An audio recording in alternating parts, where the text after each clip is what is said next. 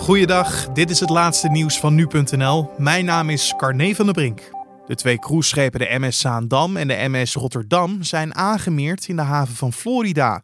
Op de schepen, waarop ook 20 Nederlanders zaten, was het coronavirus vastgesteld.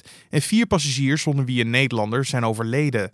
Na het aanmeren van beide schepen mogen de gezonde passagiers na een medische screening van boord. Passagiers die niet de Amerikaanse nationaliteit hebben, worden met bussen naar een vliegveld vervoerd waar enkele vliegtuigen op hen staan te wachten.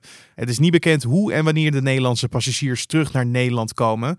Minister Stef Blok van Buitenlandse Zaken zegt op Twitter dat de gezondheid en het thuiskrijgen van de passagiers prioriteit heeft. Het Instituut voor Psychotrauma, ARQ-IVP, heeft een landelijke hulplijn geopend voor zorgprofessionals die door de coronacrisis psychologische ondersteuning nodig hebben. Het callcenter wordt zeven dagen per week bemand door gepersonaliseerde psychologen. Het bedrijf heeft jarenlang ervaring in het ondersteunen van mensen en organisaties die te maken krijgen met ingrijpende gebeurtenissen en rampen. Ook hebben de psychologen informatie die ze kunnen delen met leidinggevenden om hun medewerkers te helpen in deze lastige periode. De hulplijn is dus zeven dagen per week bereikbaar tussen half negen ochtends en half tien avonds. En het callcenter van psychologen is bereikbaar op 088 33 0 55 00. En UEFA heeft een brief gestuurd naar alle 55 nationale bonden met het verzoek om de competities niet per direct te stoppen.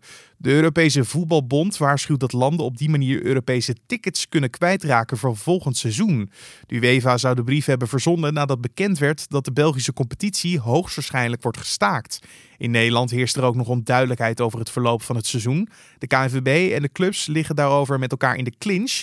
Zo willen onder meer Ajax, AZ en PSV niet verder voetballen, maar vindt Feyenoord het beter om te wachten met een definitieve beslissing. Bijna 60% van de Nederlanders heeft in het afgelopen jaar wel eens gebruik gemaakt van een online platform waarop producten of diensten van verschillende aanbieders samenkomen.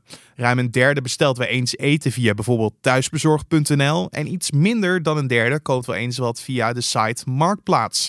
En één op de vijf heeft vorig jaar een accommodatie geboekt via een online platform zoals Airbnb. Dat blijkt uit het onderzoek naar ICT-gebruik van huishoudens en personen dat het Centraal Bureau voor de Statistiek jaarlijks doet. En tot zover de nieuwsupdate van nu.nl.